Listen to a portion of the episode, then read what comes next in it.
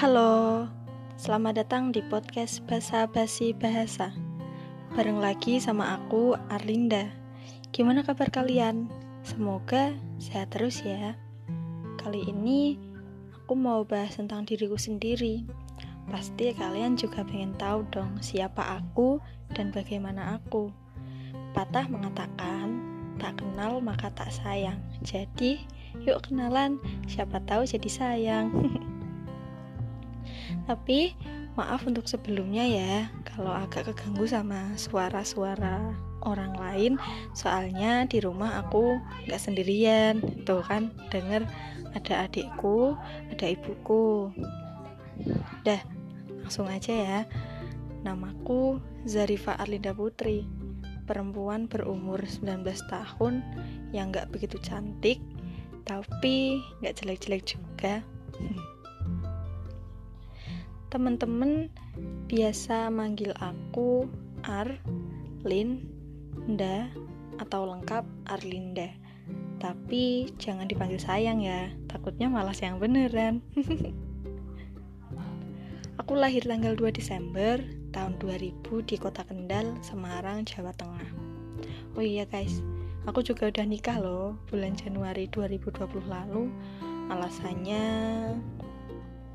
Nanti aja deh, pasti aku bahas di episode lain. Setelah lulus SMA, aku melanjutkan pendidikan tinggi di salah satu institut agama Islam di kota Salatiga. Yap, bener banget, cuma ada satu institut Islam di sana, IAIN Salatiga. Aku ambil prodi pendidikan agama Islam di Fakultas Tarbiyah dan Ilmu Keguruan. Waktu ujian masuk perguruan tinggi di sana, Aku sebenarnya milih prodi perbankan syariah karena emang tadinya seneng. Tapi ada beberapa temen yang nyaranin buat milih prodi pendidikan agama Islam. Hitung-hitung buat cadangan kalau yang pilihan pertama gak keterima.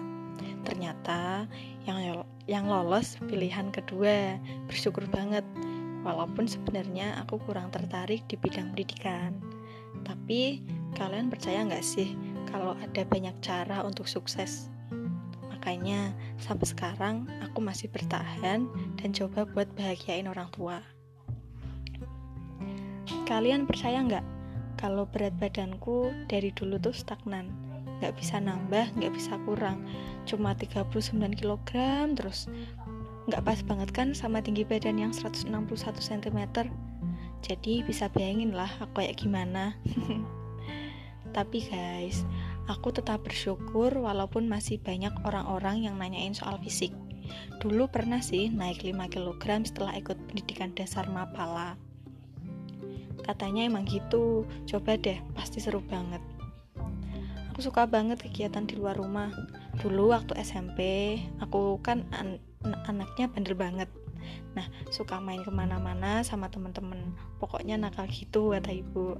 Sampai pernah nggak mau lanjut sekolah. Bandel banget kan? Kalau keinget kok bisa ya dulu aku kayak gitu. Nah, pas udah masuk SMA, ibu aku nyaranin buat ikut ekstrakurikuler di sekolahan.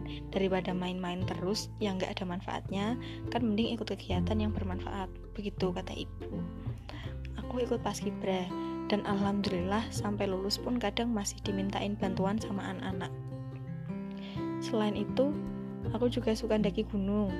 Ya walaupun cuma gunung itu-itu aja sih ya. Satu gunung ada yang sampai berkali-kali aku daki. Kalian pernah nggak? Udah sampai gunung mana nih? Hehe.